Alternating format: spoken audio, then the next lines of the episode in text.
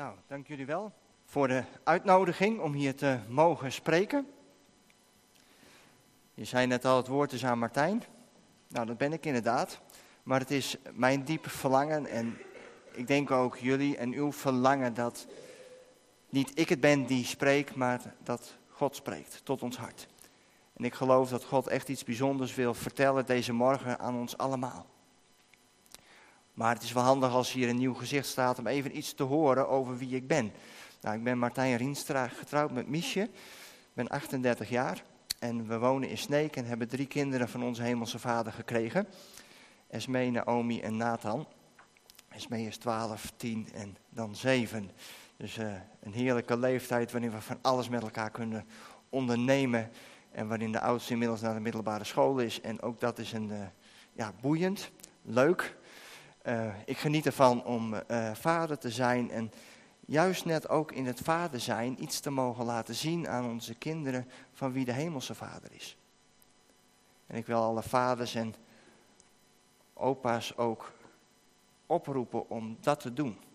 Om mezelf eens stil te staan bij die vraag: wat laat ik zien van de hemelse vader aan mijn kinderen en aan mijn kleinkinderen? En de eerste keer dat ik die vraag stelde, moest ik echt wel even nadenken over welk antwoord ik zou geven. Want zo direct was dat voor mij niet zichtbaar.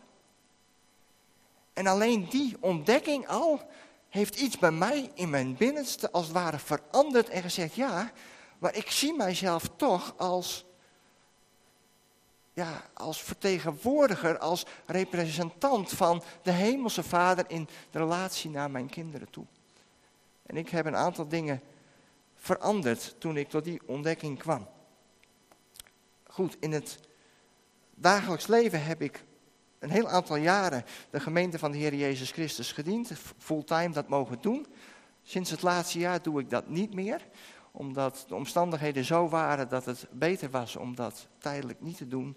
Maar we zien uit naar wat God verder voor ons heeft. Op dit moment werk ik aan de grote infrastructuurprojecten hier in Friesland. Een van de projecten waar ik mee bezig ben is de centrale as. Van Dokkum naar Nijenga, maar vast bekend. Misschien woont u er wel langs. Misschien bent u er wel heel erg op tegen. Misschien bent u er ook wel heel groot voorstander van. Dat weet ik niet. Maar goed, uh, daar werk ik aan. En uh, naast dat ik daarmee bezig ben, heeft de Heere God, heeft de Heer Jezus mijn hart gegrepen. En heb ik een diepe liefde voor het woord van God gekregen. En elke keer zie ik er enorm naar uit als ik iets daarvan mag vertellen. En zo ook vanmorgen. Want jullie zijn bezig met het thema Volg Jezus. En deze maand staat centraal dat Jezus overwinnaar is. Dat Jezus de winnaar is. En dat hebben we allemaal vorige week op een indrukwekkende manier gevierd met Pasen. Misschien zijn jullie hier vorige week zondagmorgen wel binnengekomen en hebben elkaar de hand gegeven en gezegd: De Heer is echt opgestaan. En dan is nu de vraag: zeven dagen later, zeven keer 24 uur later, is diezelfde euforie van vorige week zondag, is dat nog steeds 100% in uw hart? Ja, ik zie een aantal knikken. Geldt dat voor iedereen? Of zijn, is er in deze week al ja, het een en ander gebeurd, waardoor dat toch iets minder enthousiast is als vorige week? Wij kunnen ons als mensen soms zo door onze omstandigheden laten beïnvloeden dat we als het ware de rijkdom van het woord van God uit ons hart laten roven. En dat is jammer. Daar is het woord van God niet voor bedoeld. Het woord van God mag ons leven leiden ieder moment van de dag. Maar soms is het ook ingewikkeld. Afgelopen vrijdagavond was ik bij een jeugdgroep, een jeugdgroep bij ons in de gemeente. En die jeugdgroep had al drie keer met elkaar gesproken, drie keer gediscussieerd over hoe het nou precies zat met dat God alle macht heeft in de hemel en op de aarde. Dat hij alles weet dat hij dichtbij is. En aan de andere kant de eigen vrije wil. De mogelijkheid om keuzes te maken. En deze groep die voelde zo'n enorme spanning tussen dat God eigenlijk alles weet, alles bepaalt en het allemaal in zijn hand heeft.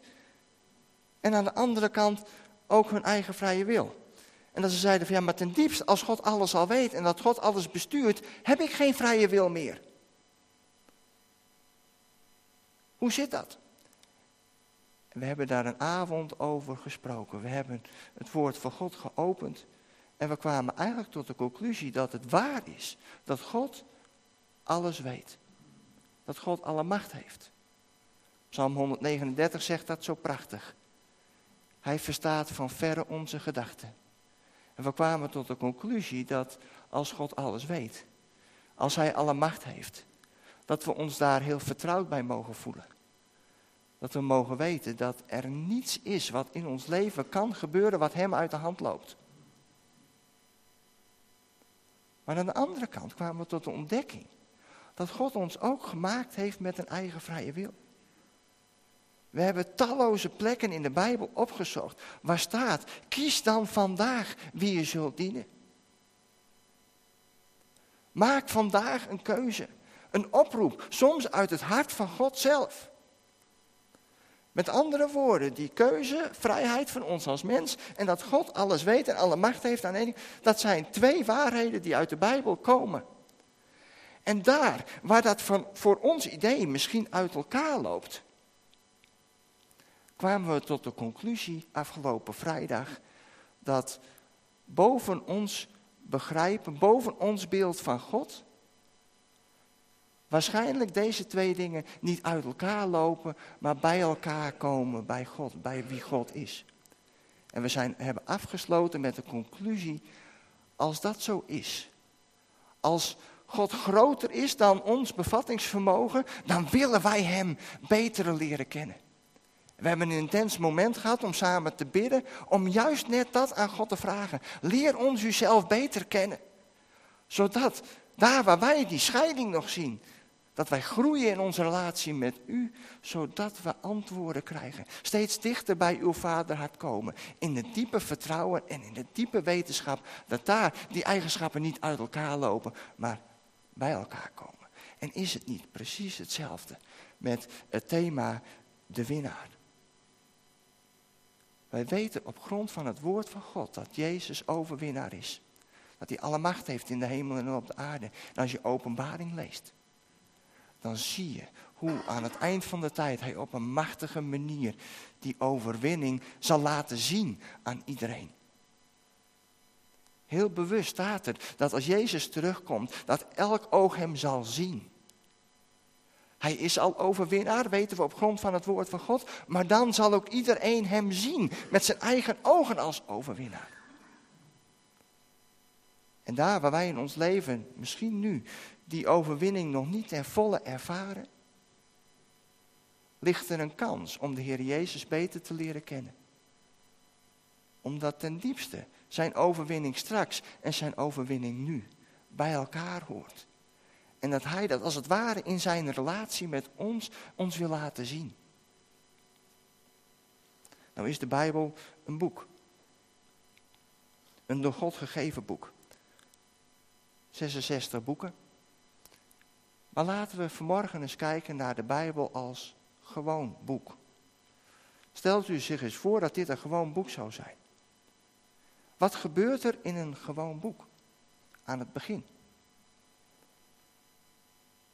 Aan het begin van een gewoon boek worden de hoofdpersonen voorgesteld. Krijg je een inleiding in het verhaal, worden eigenlijk de kerngedachten al weergegeven. En in dat opzicht verschilt de Bijbel niks met een gewoon boek. Op een heleboel andere terreinen verschilt de Bijbel heel veel meer. Gelukkig. Prijs God daarvoor. Maar in de eerste hoofdstukken, in de eerste Bijbelboeken, worden de principes van God uitgelegd. En als we vanmorgen gaan nadenken over Jezus als winnaar, liggen die principes ook al opgesloten in de eerste hoofdstukken van de Bijbel. Als ik u zou vragen hier vanmorgen wie de eerste winnaar is in de Bijbel, wie zou u dan zeggen? Wat zou u dan zeggen? Wie is de eerste winnaar in de Bijbel? De eerste persoon die beschreven wordt vanaf hoofdstuk 1.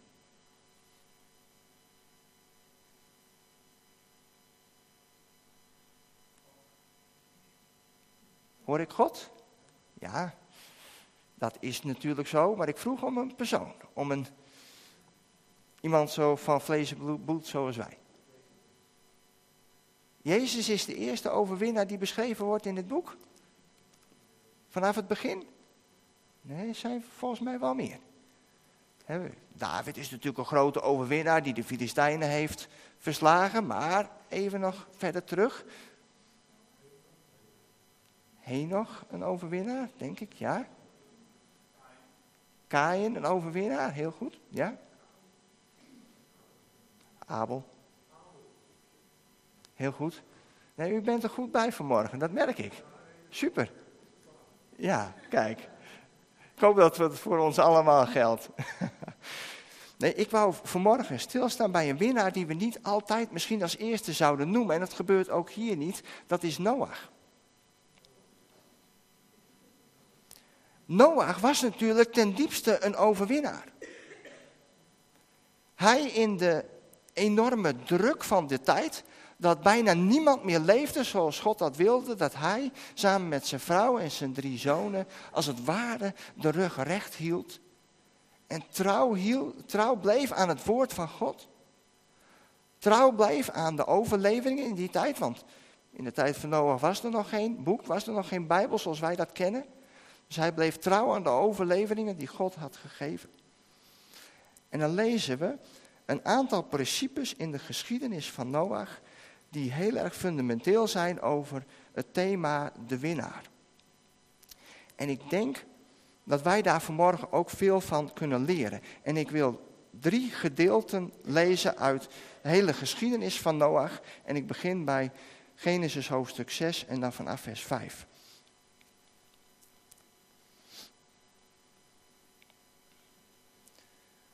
Drie tekstgedeelten met ook drie belangrijke punten daaruit.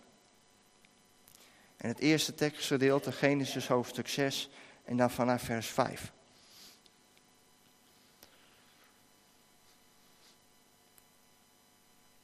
Daar staat, de Heere zag dat alle mensen op aarde slecht waren. Alles wat ze uitdachten was steeds even slecht. Hij, dat is God, kreeg er spijt van dat hij mensen had gemaakt en voelde zich diep gekwetst. Ik zal de mensen die ik geschapen heb van de aarde wegvagen, dacht hij. En met de mensen ook het vee, de kruipende dieren en de vogels, want ik heb er spijt van dat ik ze heb gemaakt. Alleen Noach vond bij de Here genade.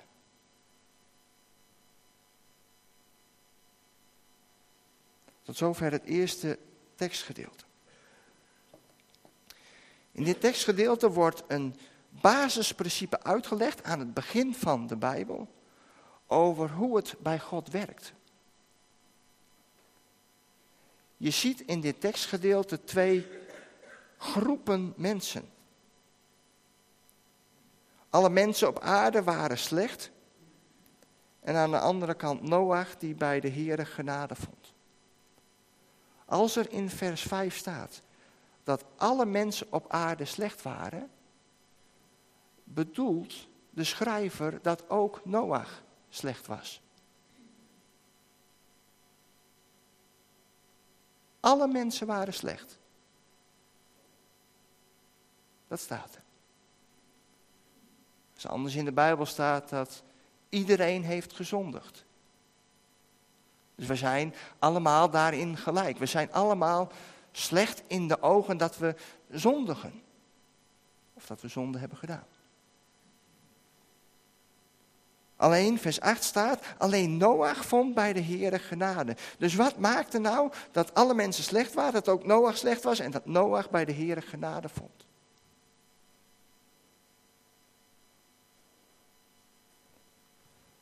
Dat is een boeiende vraag en dan krijgen we in de rest van de hoofdstukken krijgen we daar antwoord op.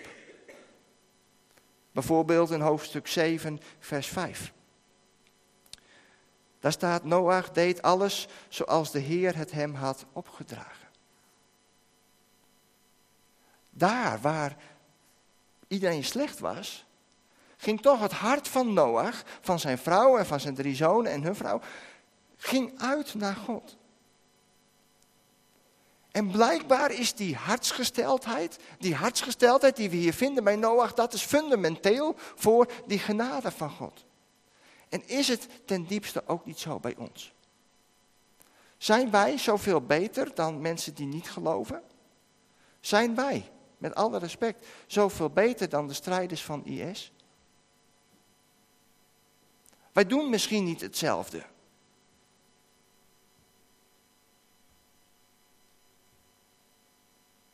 Maar wat zit er in ons hart? Gaat ons hart ten volle naar God uit? Dat is het verschil tussen Noach en alle andere mensen die hier in Genesis hoofdstuk 6 beschreven worden. En blijkbaar is dat fundamenteel voor jouw relatie met God. Naar wiens hart, naar wie gaat jouw hart uit? En dan zien we hier een basisprincipe naar voren komen in het tekstgedeelte dat gerechtigheid en redding hand in hand gaan. En dat is een heel belangrijk principe wat we door de hele Bijbel heen zien.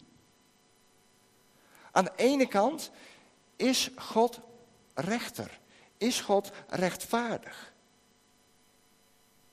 God kan niet anders dan rechtvaardig zijn. We zien dat ook op een hele indrukwekkende manier als we nadenken over de Heer Jezus aan het kruis. Waarom was er geen andere oplossing dan dat God zelf stierf aan het kruis? Het enige antwoord is dat God rechtvaardig is. Er moest 2000 jaar geleden een rechtvaardige prijs betaald worden voor alle verkeerde dingen die wij gedaan hebben. En niet alleen wij, maar die van alle mensen wereldwijd. Dat was ten diepste de reden waarom de Heer Jezus aan het kruis moest. En wat ben ik tot in het diepst van mijn wezen blij dat wij een rechtvaardige God dienen. Maar dat heeft heel veel consequenties voor ons hier en nu. Want hoe vaak gedragen wij ons niet als rechter? Hoe vaak per dag hebben wij niet onze mening klaar over iets wat er gebeurt? Over iets wat plaatsvindt, over een omstandigheid in, in onze nabijheid. Voortdurend maken wij keuzes van dat is goed, dat is niet goed. Daar vinden we iets van. En misschien zit dat wel in het DNA van ons als Nederlanders, dat wij heel vaak rechter zijn, rechter spelen.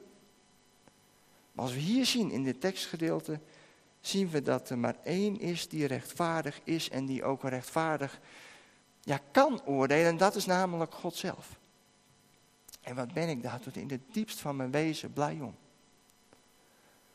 Want daar waar ik met mijn onvolmaakte blik en mijn beperkte blik naar dingen ga kijken, dan weet ik toch eigenlijk per definitie dat mijn mening, mijn oordeel die ik daarover geef, fout is.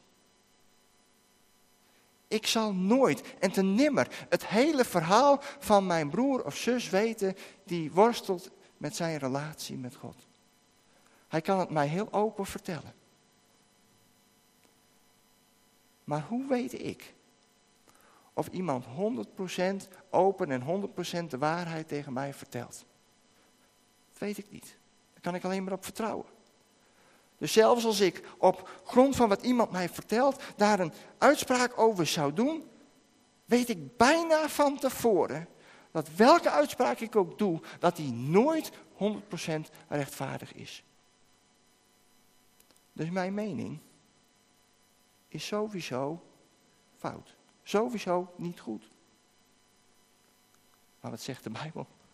God is rechtvaardig. En wat zou het ons helpen als mensen op het moment dat wij God rechtvaardig laten zijn en Hem dat ook toevertrouwen. En ons weghouden van beoordeling en oordelen.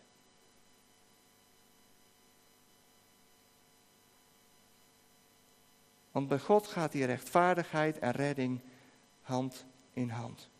We zien dat prachtig in vers 8. Alleen Noach vond bij de Heere genade. Genade die onverdiende gunst. Maar dan lezen we verder. En dan zien we die geschiedenis dat Noach de opdracht krijgt om die ark, die boot te bouwen. Een indrukwekkend bouwwerk. En een replica heeft hier in Drachten gelegen en misschien zijn velen van jullie daar geweest. Dan heb je een idee van wat dat was voor boot wat die, uh, die Noach daar moest bouwen. En hij volgt het nauwgezicht op. Ik heb vers 7 al gelezen van hoofdstuk, of nee, vers 5 van hoofdstuk 7. Noach deed alles zoals de Heer het hem had opgedragen. Hij was een beetje precies. Hij deed precies wat God tegen hem zei. En na zo'n lange tijd was die ark klaar. En dan staat er in vers 6 van hoofdstuk 7. Noach was 600 jaar toen de zondvloed kwam en een watermassa de aarde overspoelde. Op een gegeven moment is die ark klaar. En Noach gaat erin met zijn gezin. En God stuurt van alle dieren die gered moeten worden naar de ark. En dan sluit God zelf de deur van die ark. En dan begint het. Dan komt dat noodweer los. Dat noodweer waar niemand aan kon ontsnappen. Behalve de mensen die in, en de dieren die in die ark zaten. En alles en iedereen komt om in het water. En dan komen we bij hoofdstuk 8. Daar waar in vers 24 van hoofdstuk 7 staat, 150 dagen lang was de aarde helemaal met water bedekt. 150 dagen. Alleen maar water om je heen.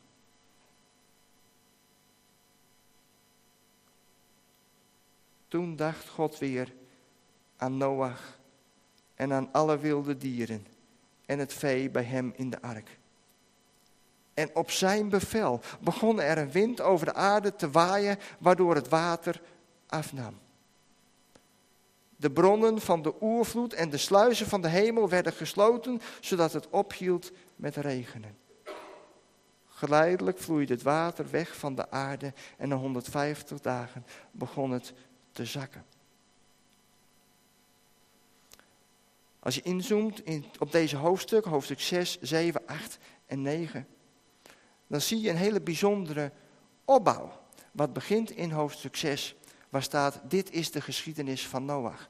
Degene die meer weten van stuk achtergrond van het Oude Testament, daar waar staat, dit is de geschiedenis, dan weet je dat er in, het, in de Hebreeuwse eh, grondtekst staat, dit is de dood.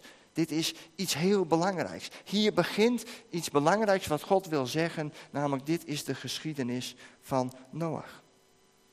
als je dat tegenkomt in de Bijbel, moet je je oren spitsen, want dan wordt er een verhaal verteld, een opbouw gedaan die iets heel belangrijks wil zeggen. En dan zie je dat er eerst een periode is van zeven dagen wachten voor de vloed. Dan zijn die zeven dagen wachten om. Dan komt er 40 dagen vloed. Dan 150 dagen heeft die vloed de overhand. En dan komt datzelfde verhaal, komt als het ware terug. 150 dagen daalt het water. Weer moet Noach 40 dagen wachten. Dan nog eens zeven dagen wachten. En tenslotte weer zeven dagen wachten. En zo zie je die opbouw 7, 7, 40, 150 en weer terug. 150, 40, 7, 7. Nou, als dat gebeurt in de Bijbel, als je die structuur ziet, dan wordt er in die structuur iets verteld, iets aangewezen wat onvoorstelbaar belangrijk is. En wat deze stijlfiguur aangeeft in dit tekstgedeelte is hoofdstuk 8, vers 1. Gewoon een aantal woorden. En we hebben het net gelezen. Toen dacht God weer aan Noach en aan alle wilde dieren en het vee bij hem in de ark. En op zijn bevel begon de wind over de aarde te waaien, waardoor het water afnam. Dit is het belangrijkste wat God wil zeggen in dit tekstgedeelte. Toen dacht God weer aan Noach. En het zit hem in het woordje denken. Daar waar alles omgeven is door vloed. Staat er dat woordje, God dacht weer aan Noach. En dat woord laat iets zien van het hart van God. Want daar waar wij misschien denken dat in dit tekstgedeelte God helemaal niet meer betrokken was bij deze aarde. Dat hij zijn gezicht had afgewend en met hele andere dingen bezig was. Laat dit woordje in dit tekstgedeelte zien dat God er voortdurend bij is geweest. Het woordje in de grondtekst staat voor denken, weten, voortdurend betrokken zijn bij Noach. Dus in die diepe ellende, waar de wereld toen verkeerde, was God daar voortdurend bij. Dacht hij voortdurend aan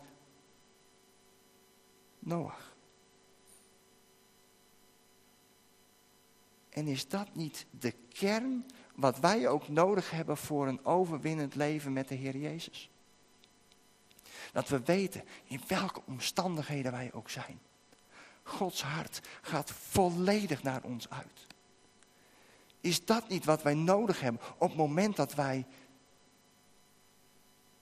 pijn hebben in ons leven, op het moment dat wij strijden met ons leven? Dat we weten dat God er is en dat voortdurend zijn gedachten naar ons uitgaan.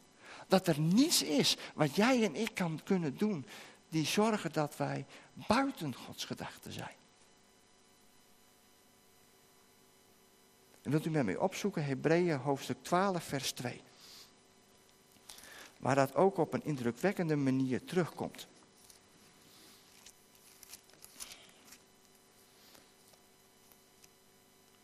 In Hebreeën hoofdstuk 12, vers 2. Daar wordt de, het perspectief van een wedloop gegeven, van een wedstrijd waarin hard gelopen wordt. En dan wordt ons opgeroepen om vastberaden de wedstrijd te lopen die voor ons ligt. En dan staat er in hoofdstuk 12, vers 2, laten we daarbij de blik gericht houden op Jezus, de grondlegger en voltooier van ons geloof. Dan komt het. Denkend aan de vreugde die voor hem in het verschiet lag, liet hij zich niet afschrikken door de schande van het kruis. Hij hield stand. Hij overwon. Hij nam plaats aan de rechterzijde van de troon van God. Ik wil hier stilstaan bij het woordje vreugde. Jezus hield het vol aan het kruis door de vreugde die voor hem in het verschiet lag. Maar misschien hebben jullie op Goede Vrijdag heel indrukwekkend iets gehoord over het lijden en sterven van de Heer Jezus. Misschien heb je de Passion gezien. Misschien ben je naar een muziekconcert geweest van de Passion, waarop dat op een indrukwekkende manier naar voren komt. Maar Jezus lijden aan het kruis was onmenselijk zwaar. Was verschrikkelijk. Maar hier in deze tekst staat dat hij het daar volhield, hangend aan het kruis, denkend aan de vreugde die voor hem in het verschiet lag. Nou, wat zou die vreugde nou zijn die Jezus aan het kruis hield? Daar waar hij bespot werd. En waar ze zeiden, als je dan echt de zoon van God bent, kom dan van dat kruis af en laat dat zien. Blijkbaar was dat voor mensen het ultieme. Dat een mens daar van het kruis zou kunnen afkomen, daar zouden ze hem geloven. Maar Jezus bleef hangen, denkend aan de vreugde die voor hem in het verschiet lag. De vreugde die de Heer Jezus aan het kruis hield. Want hij kon er van afkomen, als hij dat zou willen. Maar hij bleef daar hangen. Omdat hij zo dolgraag met de mensen naar zijn vader wilde komen. De mensen die hij vrij zou kopen door zijn bloed. En die gedachte, dat hij niet alleen terug zou gaan naar zijn vader, maar dat alle mensen met hem meegingen, dat hield hem aan het kruis. En laat ik het nog persoonlijker maken. Jezus hield het vol aan het kruis, omdat hij jou in gedachten had daar. Hij wilde niets liever dan jou meenemen naar het hart van vader. En terwijl hij eraf kon, kon komen in dat onmenselijke lijden, bleef hij hangen. Omdat hij jou op het oog had. Hij wilde zo dolgraag jou meenemen naar het hart van vader. En wat doet dat? Als je dat beseft, als je dat in je hart laat indalen, dan voel je je toch enorm geliefd als mens.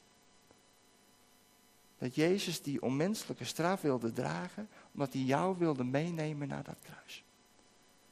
Nou, dichterbij kan God niet komen. Dichterbij kan die uitgestoken hand niet komen.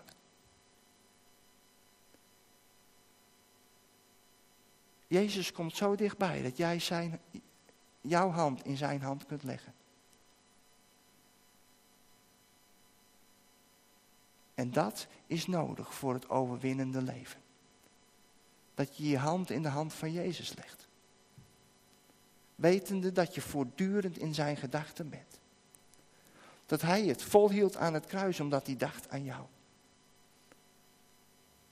En die daad van liefde, die enorme uitnodiging, zorgt ervoor dat wij ons hart alles overgeven. Maar wat gebeurt er dan? Al lopende hand in hand Jezus volgen. En dan gaan we weer terug naar Genesis, gaan we terug naar het verhaal van Noach. En ik doe dat nog kort. Als je ziet in hoofdstuk 8, vers 3, zie je dat het water weer begint te dalen. En moet je je eens voorstellen dat we op dezelfde aarde leven, want we praten over dezelfde aarde als de aarde waar we nu in leven. Met hele hoge bergen en hele diepe dalen, hele diepe oceanen. Moet je je voorstellen dat het topje van de Himalaya bedekt is met water. Waar zou al dat water heen moeten? Waar moet al het water heen wat die tijd de aarde heeft overdekt? Het kan niet anders dan wat God hier beschrijft in Genesis hoofdstuk 6 tot en met hoofdstuk 9. Dat als het ware na die enorme straf, dat hij aan het herscheppen gaat. Dat hij opnieuw de aarde die hij gecreëerd heeft, zoals we zo prachtig lezen in Genesis hoofdstuk 1, dat hij opnieuw scheppend bezig is. Dat hij nieuwe dingen gaat doen. En is dat niet exact hetzelfde wat ook gebeurt als wij onze hand in de hand van Jezus leggen? Gaat dan niet die herscheppende kracht van God het overnemen in ons leven? Gaat die kracht er niet voor zorgen dat alles nieuw wordt? En niet alleen in het persoonlijk leven. We lezen in openbaring dat God doorgaat met die herschepping en dat er uiteindelijk een nieuwe hemel en een nieuwe aarde komt. Dus een van de kernbegrippen uit de Bijbel is het de kracht van herschepping. En God besluit dat herscheppen met een verbond. Hij stelt die boog, die regenboog, als teken aan de hemel. En hij noemt dat drie keer in dit tekstgedeelte. Drie keer zegt hij, ik sluit een verbond. Drie keer, ik zet een teken. Drie keer. Ik stel als zichtbaar teken dat God herschept, dat God iets nieuws begint. En de vraag dan vanmorgen voor ons allemaal is durven wij ons voor de volle 100% over te geven aan deze God? Deze God die, waarbij rechtvaardigheid, gerechtigheid en genade hand in hand gaan. Durven wij ons over te geven aan God, die, ja, wiens gedachte voortdurend naar ons uitgaat? Durven wij ons over te geven aan God die herschept, die, hoe ons leven er ook uitziet, telkens opnieuw met ons zal willen beginnen? Wilt u dat? Wil je dat? En durf je dat? Wetende dat je leven dan misschien totaal anders kan gaan dan dat je op dit moment voor ogen hebt. Want Gods gedachten zijn groter dan onze gedachten. Maar als God dit laat zien als uitbarsting van zijn liefde aan het kruis, dan is hij ons vertrouwen meer dan waard. En dan mogen we ons overgeven. En dan mogen we ons leven aan hem toevertrouwen. Net zoals Noach dat deed. Ondanks dat hij slecht was, durfde hij voor de volle 100% op Gods woorden te vertrouwen. En daarmee is Noach voor ons een voorbeeld. En ik hoop dat we allemaal dat voorbeeld van Noach zullen volgen. Amen.